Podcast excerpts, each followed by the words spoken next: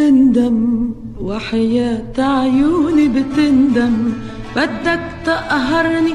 طيب قبلك شي غيب وجرب لما بترجع يا حبيب يا حبيب شو بدك تندم؟ يا خويي شو بدك تندم؟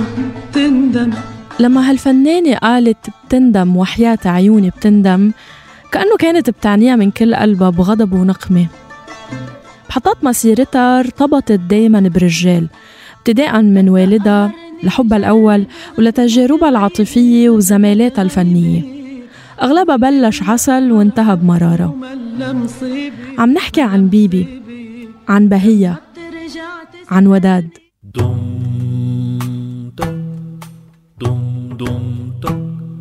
لما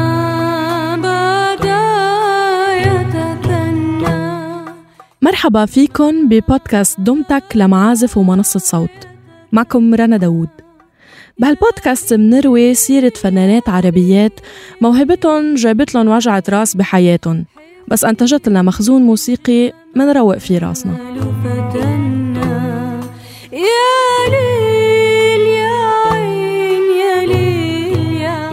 بالحلقة الثالثة من هالبودكاست رح نروي قصة المطربة وداد ورح نتعرف على سلسلة تجارب مرت فيها حولت الندم لأغنية ما بتنتسى. تندم وحياة عيوني بتندم. سنة 1931 عمل فرج عواد اللي كان موسيقي بن حلب قائد فرقة منيرة المهدية بالثلاثينات.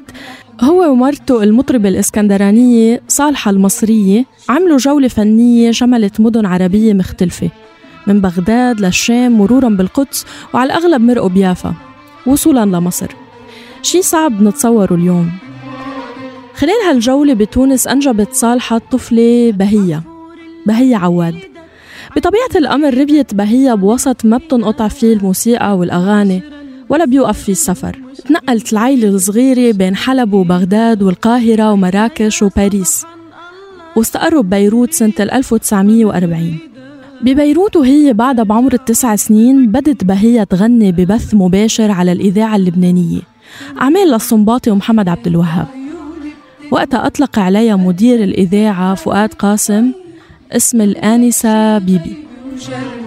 بينما كانت الآنسة بيبي توقف على كرسي لتوصل لميكروفون صار صوتها يوصل لمستمعين كتار حتى إنه وصل لعبد الوهاب نفسه اللي صدف إنه كان ببيروت وسمعها عم بتغني سجل ليل سجل ليل قصيدة أحمد شوقي يلي لحنها هو. لما عرف إنه بعدها طفلة ما تجاوزت ال 11 سنة. وسمع كيف أتقنت اللحن والتنقل بين النكريز والرست. اتصل ببيا وقال إيه دي؟ دي كانت عشقة وعمرها ثلاث سنين. دي بتغني إزاي؟ أنا عايز أطلعها من بيتي. بنت عبد الوهاب. خايف أقول اللي في قلبي تتقل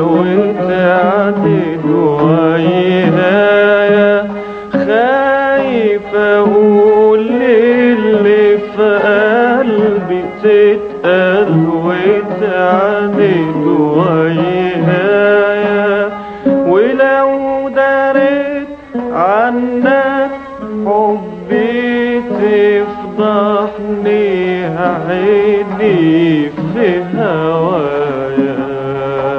بالرغم من انه والدها فنان فرض عليها هالوسط ودربها على الغنى وسمح لها تطلع على الإذاعة بس رفض جميع العروض الفنية المقدمة إلها كرمال تتابع دراستها. وفعلا ضلت بهية تقعد جنب والدها العواد الصارم بالساعات. يعطيها النوتة ويطلب منها أشياء بتفوق سنها بكتير. أستاذها الأول كان دايما موجود حولها ليوجهها ويعلمها كيف تلعب بطبقات صوتها بين المقامات الصعبة.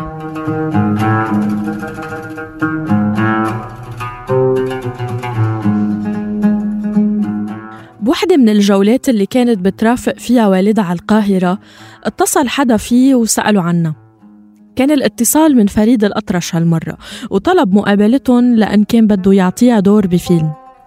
راحت وداد وبهية ليقابلوه باستوديو القاهرة. البيّ طبعا ما عجبه شو شاف هونيك خصوصا إنه في مشاهد حميمة وتبويس وهالقصص. وبفورة غضب مسك بهية من شعرها وسحبها لبرا وهي ما فتحت تمها بكلمة.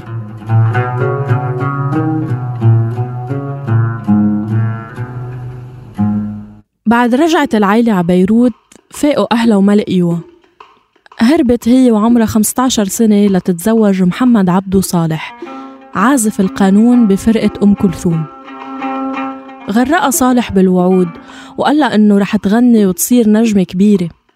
راحت معه على بروفات أم كلثوم وتعلمت كتير بس لما طلبته بوعد تحقيق حلمها بالغنى اكتشفت إنه بغار. سكر عليها كل الطرق وما ضل قدامها إلا إنه ترجع على بيروت خصوصي إنه أهلها رفعوا دعوة قضائية على القانونجي وساعدتهم أم كلثوم. دافع أم كلثوم مش كتير واضح يمكن الست كانت خايفة على بهية المراهقة وحبت تحميها من قرار الارتباط المبكر. ما كان في أي طريقة إنه بهية تبقى بهيديك العلاقة. كل هالنكد ما منعها إنه تضل تروح على الإذاعات اللبنانية لتغني. صارت هلأ توصل للميكروفون برياحة وصار صوتها أكثر نضوجاً بدوا الشعراء والملحنين يتسابقوا عليها وبكواليس الإذاعة اللبنانية تعرفت على الشاعر الغنائي عبد الجليل وهبي. سرق الشاعر قلبها بعد ما نظم قصيدة لأمها اللي اشتد عليها المرض بهديك الفترة وتزوجته قبل ما تتم 18 سنة. في الحقيقة ما كان حب عميق. كنت مأخوذة فيه لأنه شاعر كبير بيتهافت عليه الفنانين. هو كان معجب بصوتي وبأدائي. هالشي خلق بيناتنا مودة كبيرة تحولت لحب حتى لو ما كان حب جارف هالحب يمكن ما كان حقيقي وناضج أو إنه ناضج زيادة عن اللزوم بس جرف بهية لتكون طرف في بناء الهوية الموسيقية للأغنية اللبنانية بمشروعها الأول. قبل هالمشروع تأثر الموسيقيين اللبنانيين من شعراء وملحنين ومغنيين باللهجة المصرية. بسبب أول إذاعة عربية افتتحت بالعالم العربي واللي هي الإذاعة المصرية عام 1935 لكن بعد استقلال لبنان بال 1943 بدا مشروع لبننة الأغنية أنه يعملوها لبنانيه وأصدر مدير الإذاعة اللبنانية فؤاد قاسم أمر طلب فيه من الفنانين اللبنانيين أنه يغنوا بلهجتهم.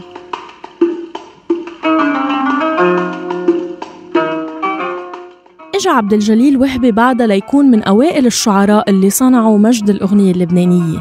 برفقة عدد كبير من الشعراء والملحنين قبل ظهور الأخوين الرحباني بسنوات.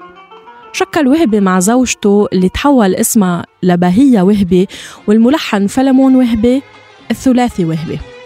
وحققوا نجاح كبير. كانوا يقولوا على إذاعة الشرق الأدنى كلمات عبد الجليل وهبي ألحان فيليمون وهبي وغناء بهية وهبي. حققنا شهرة ونجاح ساحق. وبعد توقفنا بفترة انطلق الأخوان الرحباني.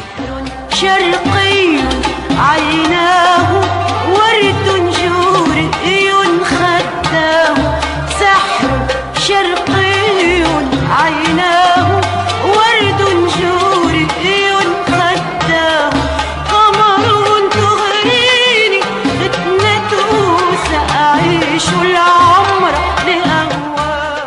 أثر عبد الجليل المكتب الغنائي اللبنانية وأسس قاعدة قوية لبناء مشروع الأغنية العامية. ومن بينهم أغنية علومة اللي غناها وديع الصافي بأواخر الأربعينات. بتقول بهية أنه بإحدى الأمسيات بعد ولادة بنتها البكر بثلاث شهور زارن وديع برفقة زوجته. بالسهرة قعد عبد الجليل يلاعب بنته فاطمة ويدندن شعر كتبه إلها. كان بيقول علومة اللومة يا حلوة يا فطومة دخل الله ودخل عيونك يا حلوة جننونا. ما إن سمعه وديع حتى طلب منه إنه يعطيه القصيدة وقال له إنه رح يبدل اسم بنته بكلمة مهضومة. ورغم طلب بهية بإنه هي تحصل على القصيدة اضطر الشاعر يستجيب لطلب رفيقه اللي كان ببداية مشواره. هالأغنية اللي سمعها وديع الصافي ببيت بهية عن بنت بهية. وخطفها من إيديها.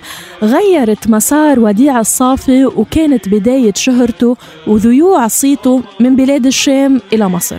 اللومة اللومة اللومة. اللومة اللومة اللومة. يا حلوة قلبي حبك. والله من أول يومة.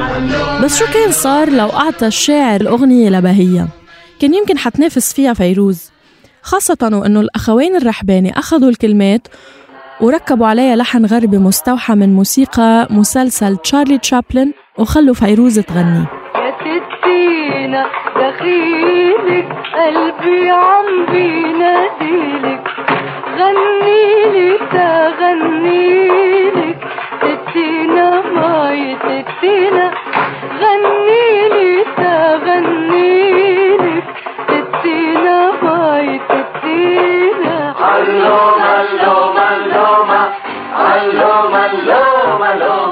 غنت بهية من قصائد عبد الجليل وهبي حوالي 30 أغنية. منها مفقود أو يمكن مخباية بأدراج الإذاعة اللبنانية. وجابت منه ولدين اسمهم فاطمة وعلي. بس الزواج ما استمر أكثر من خمس سنين. بسبب خلافات شخصية رفضت بهية تحكي عنها. انفصل الثلاثي وهبي وانقطعت بهية عن الغناء لفترة قصيرة خصوصا أنه أمها وبيا توفوا بهالفترة. رجعت على مصر كمان مرة وطلبت تقابل عبد الوهاب. وفعلا التقت فيه وقالت له إنه إجت على القاهرة خصوصي لتغني أعماله. قعد عبد الوهاب قبالها وتطلع فيه صديقه المحامي مجدي العمروسي ووعدها إنه تغني أجمل ألحانه. بس بشرط إنه تعيد تقديم أغانيه القديمة. طلع مجدي العقد وحطه قدامها وطلب منها تحدد المبلغ اللي بدها اياه قلت له معلش سيبني أفكر أسبوع. جواب بهية كان صادم وآخر شي توقعوا يسمعوا الموسيقار المعتد بنفسه. شيل العقد. هيك انقطع التواصل بين بهية وعبد الوهاب للأبد وكتبت بدفترها الفني خسارة جديدة على قولتها وهي بتتذكر هالقصة بمقابلاتها بحسرة وندم.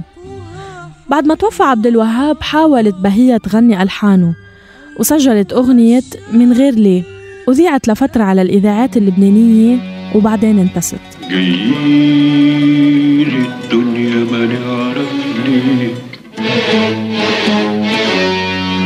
ولا رايحين فين من بروفات أم كلثوم مع زوجها الأول محمد عبدو صالح إلى كواليس ولادة الأغنية اللبنانية مع عبد الجليل وهبي دخلت بهية الاستوديو مع الموسيقار اللبناني توفيق الباشا وكان زواجها الثالث اللي أثرى حياتها الفنية. كان توفيق الباشا ببداية حياته الموسيقية اللي وقع بحب صوتها لبهية اللي شبهوا البعض بصوت الفيولا. عريض وهادي بنفس الوقت. واللي كان واضح إنه مش قادرة تعطيه الاهتمام والفرص اللي بيستحقها. تالت إنسان تزوجته توفيق الباشا. حبيته كتير. حب فعلا مش طبيعي مش عاقل. عمق الباشا دراسته الموسيقية بالجامعة الأمريكية ببيروت. وصار قائد أوركسترا وكاتب من عصابة الخمسة اللي تشكلت بالخمسينات. هي كانت مجموعة من خمس موسيقيين. زكي نصيف عاصي ومنصور الرحباني وتوفيق سكر. حاولوا الانتقال من مرحلة تأسيس الأغنية اللبنانية لمرحلة جديدة بتعتمد على التوزيع الأوركسترالي الغربي. قبل ما تبدأ بهية مشوارها الفني مع زوجها الثالث كان عليها أنه تختار اسم جديد. كأنها كانت عم تتحرر من هويتها الفنية اللي اقترنت بطليقة عبد الجليل وهبي. هيدا غير أنه طلع عيونها لطلقها وجرب يبطل زواجها من توفيق الباشا. المهم رجع الباشا بيوم من الأيام على البيت بعد جلسة من جلساته المعتادة مع الأخوين الرحباني بإذاعة الشرق الأدنى. نادى عليها قال لها إنه عملوا قرعة على عدد من الأسماء وإنه فيروز سحبت ورقة وطلع اسم وداد. وحب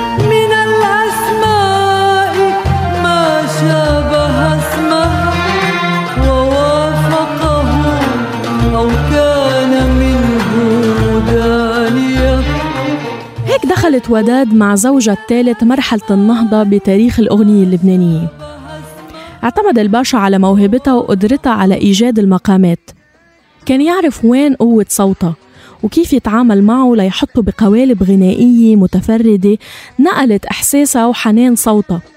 وكان هالشي واضح بأغنية الزفة الحزينة اتمختري يا عروسة اللي أعاد توفيق توزيعها تاركا روح ملحنها السيد درويش تلعب بحنجرة وداد لتخرج بهالبساطة الحلوة.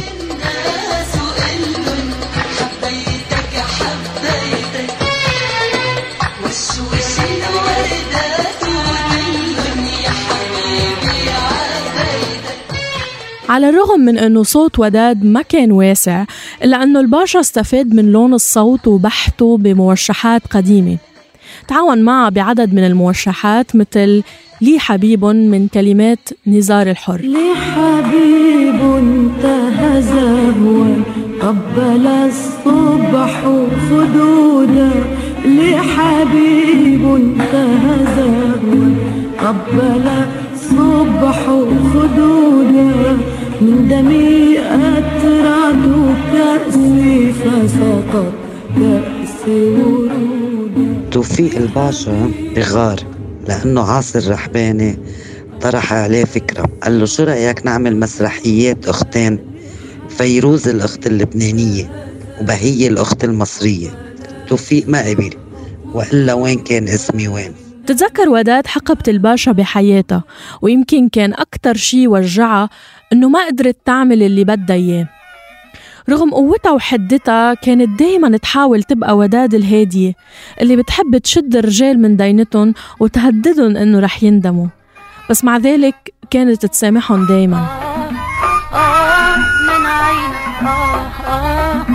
آه آه كيف بتقسى كيف بتنسى؟ دمعة وزهرة بيني وبينك. وزهرة بيني وبينك كيف بتنسى دمعة وزهرة ونغمة حلوة بأحلى سهرة بال 1963 دخلت وداد عقدها الثالث واتطلقت من زوجها الثالث توفيق الباشا بعد ما جابت ثلاث أطفال منه. كانت علاقة وداد بالرجال عكسية. حبتهم بقدر ما خذلوها وكرهتهم بقدر ما أعطوها إلا سامي الصيداوي اللي تعرفت عليه ببيت أهلها وبقي صديقها الوفي بحياتها وبفنها حتى آخر عمره. هالشاب الموهوب اللي كتب ولحن كتير من الأغاني وغناها أحياناً لقى بوداد رفيقة لإله. اشتغلوا ولحنوا سوا وتم تهميشهم سوا بظل الرحابنة وزكي نصيف وفيروز وغيرهم من اللي استأثروا بالساحة الفنية اللبنانية بأواخر الخمسينات. كان يستمد منا قصص الندم واللوعة والهجران ليفرغ ما في قلبها على شكل أغنيات.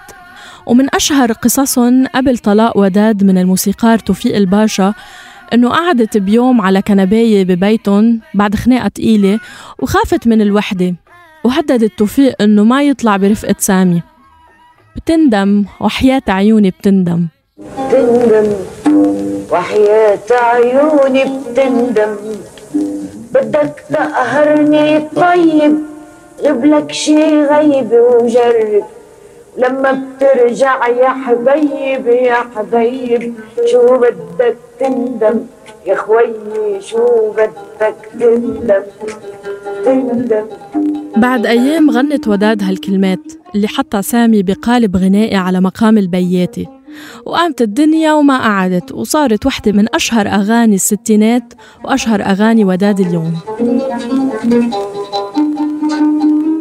بعد انفصال وداد عن آخر أزواجها مسيرتها الفنية انطفت شوي شوي ومثل كتار من فنانات زمانها ماتت على السكت بال 2009 بدك تقهرني جرب قبلك غيبة قبلك غيبة. شوف الحب يا قهر حبه بلا مصيبة بلا مصيبة قصة هالحلقة كتبتها نور عز الدين من معازف وحررتها صابرين طه ومنتجها تيسير قباني من صوت. قدمت لكم إياها أنا رنا داوود وساهم معي بالأداء الأصوات نجاح مرضعة بدور وداد وهشام إسماعيل بدور عبد الوهاب.